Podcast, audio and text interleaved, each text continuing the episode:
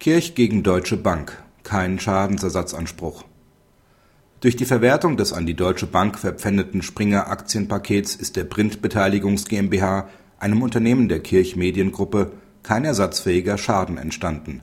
Denn die Deutsche Bank hätte das Paket auch ohne die fraglichen Interviewäußerungen ihres Vorstandssprechers Breuer verwerten dürfen.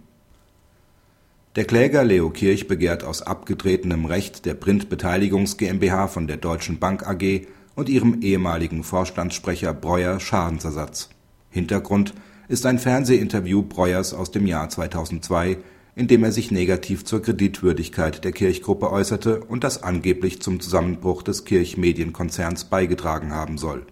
In einem dem vorliegenden Verfahren vorausgegangenen Feststellungsverfahren hat der BGH eine Schadensersatzpflicht dem Grunde nach bejaht. Im hiesigen Verfahren trägt Kirch nun vor dass der Print Beteiligungs GmbH ein Schaden von 880 Millionen Euro aus dem Verlust eines Pakets mit Aktien der Axel Springer AG entstanden sei. Dieses Paket war der Deutschen Bank AG als Sicherheit für einen Kredit verpfändet worden. Kirch behauptet, dass die Interviewäußerungen Breuers zur Insolvenz der Kirch Media GmbH und Co. KG auf Aktien geführt hätten. Dies habe die Deutsche Bank zum Anlass genommen den Kredit der Print Beteiligungs GmbH zu kündigen, was nach dem Kreditvertrag bei Insolvenz einer Gesellschaft der Kirchgruppe möglich war. Die Deutsche Bank war nach dem Kreditvertrag jedoch auch dann berechtigt, den Kredit jederzeit fristlos zu kündigen, wenn der Börsenkurs der Springer-Aktie unter 55 Euro fiel.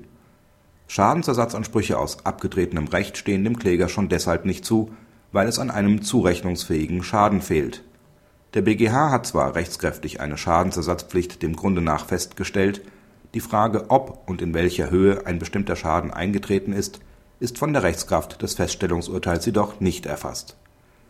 Dahinstehen kann vorliegend, ob die Interviewäußerungen Breuers ursächlich für den Zusammenbruch der Kirch-Mediengruppe waren oder ob bereits vorher eine materielle Insolvenzreife wesentlicher Gesellschaften des Konzerns gegeben war denn selbst bei unterstellter Kausalität würde die Zurechnung eines etwaigen Schadens aus der Verwertung der Springer-Aktien am 8.10.2002 unter dem Gesichtspunkt des rechtmäßigen Alternativverhaltens ausscheiden.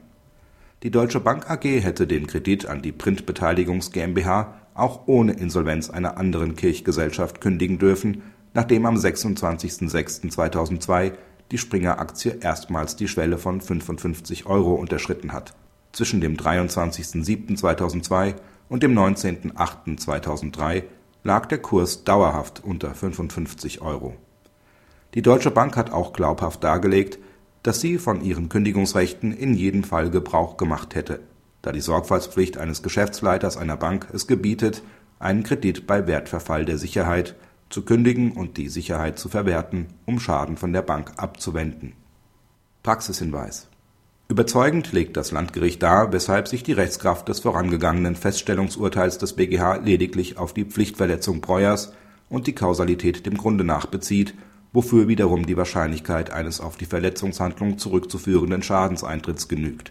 Durch das Feststellungsurteil des BGH ist aber der Einwand des rechtmäßigen Alternativverhaltens durch den Schädiger ebenso wenig präkludiert, wie davon die Frage erfasst ist, ob und in welcher Höhe ein Schaden überhaupt eingetreten ist